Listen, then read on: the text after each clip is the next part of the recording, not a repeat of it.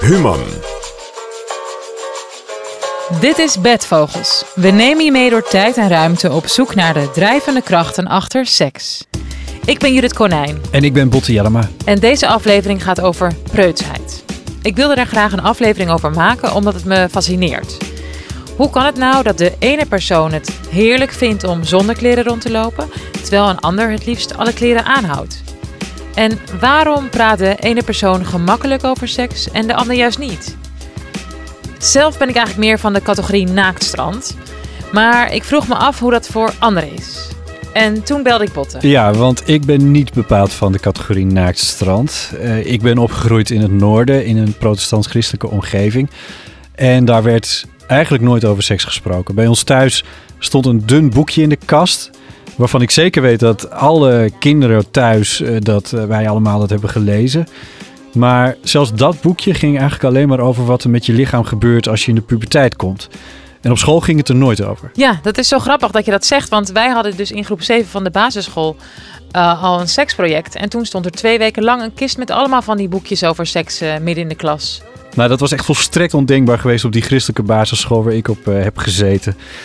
Het ging er gewoon niet over. Ik denk zelf eigenlijk dat die preutsheid die overal was van mijn jeugd, dat die mij niet echt heeft geholpen in mijn ontwikkeling. Om uit te zoeken hoe het nou precies zit met die preutsheid, legden we het onderwerp natuurlijk ook voor aan ons vaste bedvogelspanel. Met mijn vriend praat ik over seks. En met bepaalde vriendinnen. Ik praat er altijd zo makkelijk over. Soms, denk, soms vergeet ik dat het eigenlijk best iets privés is. Ik denk dat het kwetsbaar is. Toe te geven dat je iets lekker vindt, terwijl je er toch misschien een soort van immoreel idee nog bij je draagt, gêne draagt. Ineens krijg ik het gevoel dat ik me moet schamen omdat ik heel veel van seks hou. Maar dat is helemaal niet zo, toch? Nee, kom op zeg. Nee, nee, Ik precies. vind dat ik eigenlijk, wat ik zelf kan bedenken, daar hoef ik me eigenlijk per definitie niet voor te schamen. Ik denk dat dat, als je juist preus bent of terughoudend op seksueel gebied, dat je dan juist heel oordelend bent ook over anderen. Nou, dat weet ik niet. Het is altijd een soort van geheimpje met jezelf. Het is de al, al onbekende verboden vrucht. Dat het feit dat het, niet, dat het een beetje verboden is, maakt het natuurlijk wel heel spannend, ja. Ja, ik hoor wel veel herkenbare dingen over schaamte, schaamte voor je lichaam, over oordelen. En inderdaad, dat het seks ook spannend kan maken. Het is echt een beetje dubbel.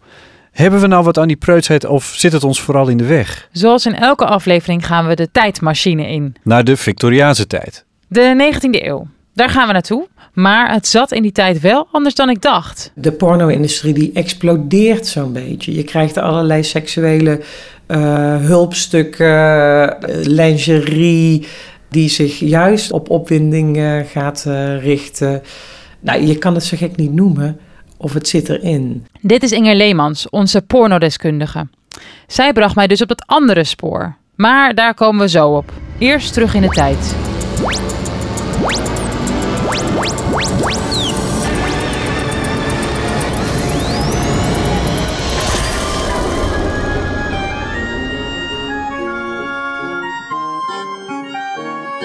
We zijn in de 19e eeuw. Een eeuw van enorme contrasten en snelle ontwikkelingen. De wereld krijgt twee gezichten. Aan de ene kant een wereld die voor een heel groot deel nog agrarisch is. Dorpjes, mensen die nauwelijks ooit in hun hele leven in de stad komen. Aan de andere kant startende industrialisatie, startende werelden die zeg maar anoniem worden. Mensen die eh, consumptie ontdekken, steden ontdekken. Op elkaar gepakt, rondom fabrieken leven, le- leren leven ook in de, in de ritmes van, van fabrieken en scholen. Is dat allemaal tegelijkertijd. Dat is Geertje Mak. Ze is net benoemd tot bijzonder hoogleraar aan de Universiteit van Amsterdam. Dat is mijn bijbaan en mijn echte baan, nee hoor, dat is flauw. Maar, eh, en mijn andere baan is in eh, Nijmegen aan de Radboud Universiteit. En daar geef ik ook gendergeschiedenis, maar dan bij de afdeling geschiedenis in Nijmegen. Geertje heeft zich onder andere gespecialiseerd in hermafrodieten in de 19e eeuw. Dat is tweeslachtigheid, toch? Dat je eh, beide geslachtsdelen hebt? Ja, maar daar gaan we het nu dus niet over hebben. Wij gaan het hebben over seksualiteit. Daar weet ze ook alles van. En over de seksuele moraal van de 19e eeuw. De ideologie is er heel sterk op gericht om beheerst te zijn. Speciaal voor vrouwen leidt dat ertoe dat seksuele uitspattingen uit de boze zijn. En, eh, en zeg maar, de vrouwen moeten er ontzettend veel aan doen om hun eer te bewaren. En deugdzaamheid, beheersing. eh, dat zijn allemaal dingen die eigenlijk heel erg worden ja, opgelegd aan de middenklasse. Dat ging zelfs zo ver dat vrouwen die buitenshuis werkten om rond te komen, eigenlijk al seksueel verdacht waren. Het woord publieke vrouw geeft het al een beetje aan. Van vrouwen die zich in de publieke ruimte gaan begeven, die worden al heel snel gezien als seksueel ook niet helemaal zuiver op de graad. Dit klinkt wel heel Victoriaans, die eh preutse normen, dat die zo belangrijk worden. Ja, dat zit zo. Kort voor de 19e eeuw, tijdens de Franse Revolutie, als de burgers de macht overnemen van het Franse Koningshuis, dan is er veel weerstand tegen die adellijke kringen. Als ik aan adellijke kring uit die tijd denk, dan zie ik toch een beetje van die kostuumfilms voor me. Ingewikkelde jurken die sluiten tot onder de kin, eh, corsetten en, en veel schone schijn. Ja, dat klopt wel, maar die reputatie van die adellijke dames, die zakt in die tijd dramatisch. Via roddel en achterklap wordt de adel enorm verguisd, zwart gemaakt. Niet alleen in Frankrijk, maar ook hier.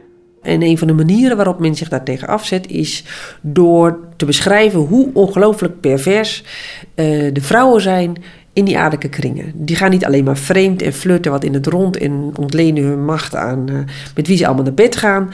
Maar eh, dat gaat ook nog veel verder. Hè. Uiteindelijk eh, zijn ze ook nog lesbisch of ze doen het ook met dieren en nou, er wordt van, hè, of hun eigen kinderen. Dus er wordt een enorme roddel opgezet om die vrouwen zwart te maken en daarmee niet alleen die vrouwen, maar eigenlijk het hele systeem. Het hele systeem is pervers. Dus wat doet de vrouw uit de middenklasse? Een soort van deugdzaam moederschap als nieuw ideaal gaan propageren. Om zich maar, om maar vooral voor te zorgen dat ze niet op die adellijke dames lijken. Die middenklasse die draaide het eigenlijk om. Ze gingen bijna een soort van overcompenseren om zich af te zetten tegen die adellijke dames. Ze wilden dus liever als preuts worden gezien. Ja, dat zag je bijvoorbeeld in de medische wereld. Daar heeft Geertje veel onderzoek naar gedaan. Ze geeft een bizar voorbeeld van hoe artsen hun patiënten onderzochten. Daar zijn plaatjes van om, hè, om te laten zien hoe dat, hoe dat gaat. Is dat ze wel eh, bijvoorbeeld het lichaam aftasten, maar niet bekeken. Dus dan kijken artsen echt letterlijk weg terwijl ze onder de rok van een vrouw tasten om te voelen, weet ik veel, hoe een kind ligt of nou zoiets. Hè? Dus het gaat onder andere over zeg maar totale onzichtbaarheid van het lichaam. Dat klinkt wel heel onprofessioneel. Dan kun je toch niks zien? Nee, precies. Dat was juist de bedoeling.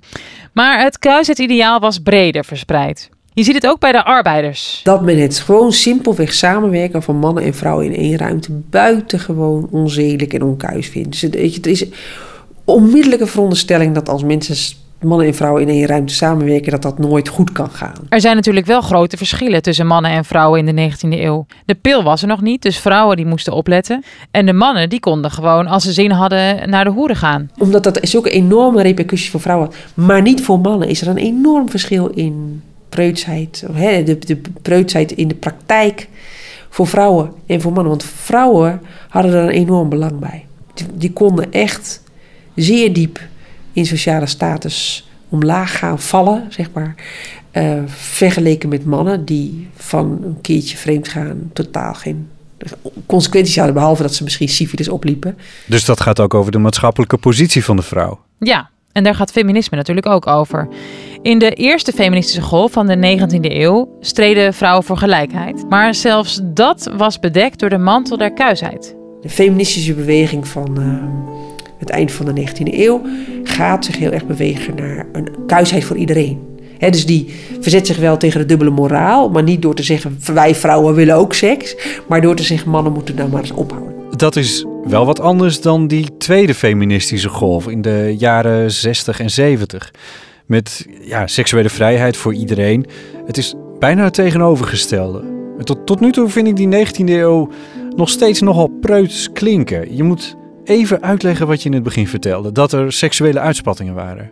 Ja, eh, dat was Inger Leemans, onze pornodeskundige, die ook in onze aflevering over porno zit. Mijn naam is Inge Leemans. Ik ben hoogleraar eh, cultuurgeschiedenis aan de Vrije Universiteit in Amsterdam. Toen ik haar vroeg naar die preutse 19e eeuw, toen moest ze lachen. Voor ons was, of is misschien nog steeds in de 19e eeuw, een soort van hoogtepunt van preutsheid, Victoriaans eh, corset, eh, bedekte enkels. En eh, waarbij wij altijd zeggen dat eh, seks helemaal is weggeduwd en niet mocht bestaan in die eeuw. Het zit dus anders. Sterker nog, we zijn erachter gekomen dat dat hele beeld vooral komt door ons. En wij willen onszelf graag neerzetten als bevrijde en taboeloze, tolerante eh, mensen. Hè, die die op een hele vrije manier met seks omgaan. Wij zien die 19e eeuwers dus als preuts, maar eigenlijk waren ze toen misschien wel net zoveel met seks bezig als wij nu. Nou, je kan bijna niks openslaan in de 19e eeuw of het gaat over seks. Dus ze waren ook gefascineerd. Wat er gebeurt in de 19e eeuw is precies dat. Seks wordt tot een centraal onderwerp gemaakt. Dus dat kun je geen preutse eeuw noemen. Over die 19e eeuw zijn twee verhalen te vertellen. En die zijn allebei waar. Er was preutsheid en er was seksuele bloei. Maar wat was dan het belang van die preutse moraal? In de 19e eeuw wordt alles massaler door de industriële revolutie. Het wordt steeds meer chaos. En hoe hou je dat in de hand? Door regels op te leggen. Nou, je kan dus zeggen, kijk, op het moment dat seks belangrijk wordt, wat we net al zagen, in de 19e eeuw is dat in toenemende mate zo. Hè? Je kan dus via seks een heleboel eh, reguleren. Je kan dus uh, mensen daarmee gaan sturen. Je kan je dochters in het gareel houden door ze via die seks te reguleren. Dus het wordt een, een middel om, om te sturen, zou je, zou je kunnen zeggen. Er is ook steeds meer angst voor die seks. Wat is dat toch, seks? Wat doet dat met mensen? Psychologen gaan zich erin verdiepen, zoals de beroemde Freud. Freud, Sigmund Freud, ja, die vond dat seks een hele belangrijke drijfveer was voor bijna alles wat een mens deed. Nou, en dat vonden ze dus een beetje eng. Hoe meer ze erachter komen hoe belangrijk seks wordt, hoe enger het wordt eigenlijk. Want blijkbaar is dat iets dat nauwelijks te sturen is in mensen. Een soort van, hè, dat idee van het onderbewuste, dat ja, je als een soort van hysterische pingpongbal uh, door de samenleving heen kan bouncen. Wat doet dat met zowel het individu als met de samenleving? Uit angst dat de samenleving ten onder gaat aan al deze hitsigheid, bemoeit natuurlijk ook de kerk zich ermee. Ja, natuurlijk het idee van seks binnen het huwelijk. Alleen seks als je met elkaar getrouwd bent. Uiteraard. Daar kan Geertje ons nog meer over vertellen. In ieder geval is het christendom denk ik een hele belangrijke bron van breutsheid. Eigenlijk een soort van, hè, dus de, een enorme anti-lichamelijkheid. En het, het ideaal was om helemaal geen seks te hebben. Behalve natuurlijk voor de voortplanting. Hè? Kinderen krijgen, dat begreep de kerk ook wel. Ja, het vlees is zwak en dat vindt de kerk maar niks. Ze vinden dat zondig. Dat weet ik nog heel goed uh, uit dat kleine dorpje in Friesland waar ik ben opgegroeid. Ik heb Geertje trouwens jouw verhaal verteld. Je gaat jezelf ook beschuldigen of je gaat zelf ook je gaat je echt letterlijk ook zelf schamen. Ik kom uit dezelfde periode, of nee, ik, kom nog niet, ik ben nog ouder dan dan hij is, maar uit dezelfde uh, streek.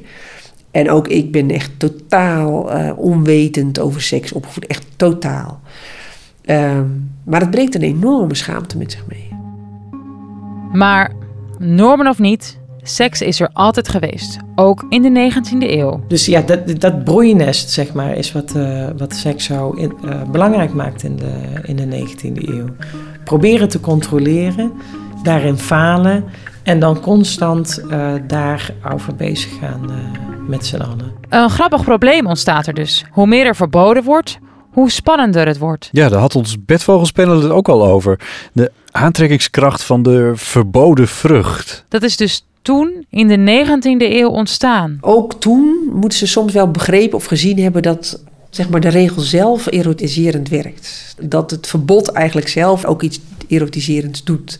En dat je dus ja, op het moment dat je het verbod eraf haalt, misschien juist ook minder onkuis wordt. Hè, dat bloot, allerlei vormen van bloot minder onkuis worden, omdat ze eigenlijk minder geërotiseerd worden. Dus op het moment dat je regels invoert en eh, minder open bent over seks, dan wordt het ook steeds aanlokkelijker om die regels te breken. Dat begrijp ik wel. Op het moment dat je dus meer gaat bedekken, meer, minder openlijk over seks wordt, of noem op, wordt het natuurlijk ook heel moeilijk om het te doorbreken. Want op het moment dat je dan één stapje weer terugzet, wordt dat ineens heel erg erotisch of heel erg geseksualiseerd. Geertje vertelt trouwens nog iets komisch, dat wil ik je niet onthouden. Het is maar wat je onder seks verstaat. Een voorbeeld. Een vrouw leidde aan hysteria, hè, dat ze helemaal buiten zinnen was. En ze ging naar een arts. Weet je hoe ze behandeld werd? Wat wij zouden zeggen bevredigen van vrouwen om ze een beetje te ontspannen. Vingeren dus. Dat werd met de hand gedaan. Op een gegeven moment vond men dat te vermoeiend worden. Dus toen hebben ze een apparaatje ontwikkeld. Zeg maar eigenlijk de eerste vibrator ontwikkeld. Om dat een beetje te vergemakkelijken. En dat geeft eigenlijk heel mooi aan dat je zo anders kan denken over seks. En zo anders kan denken over wat het is. Als je dit niet herkent als seks. Nou, het is wel geruststellend dat die normen kunnen veranderen. Het is maar net in welke tijd je leeft. En waar je bent. En zelfs binnen Nederland. Ja, maar we moeten ook niet denken dat over alles maar praten en open zijn wel het ideaal is. Er ligt eigenlijk niet zoveel vrijheid in het constant moeten praten over seks. Ja, Dus je kan zeggen, oh, wij zijn heel vrij omdat we alles kunnen zeggen over seks. Van de andere kant ligt daarin ook een eh, dwang, een opdracht om de hele tijd over seks te moeten praten. Waarom zien wij dat als bevrijdend? Wat is, wat is er vrij aan te moeten praten over seks? Dus je kan dat ook omdraaien en zeggen, seks is overal gekomen. Je zet de televisie aan en het gaat over seks. Daar zit ook iets heel dwangmatigs in en niet per se iets bevrijdends.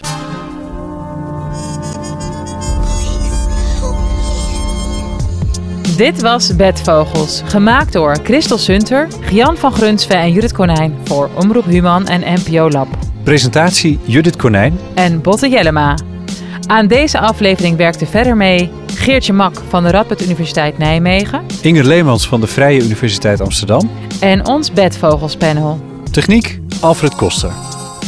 Wil je meer weten over onze serie? Kijk op www.human.nl slash bedvogels.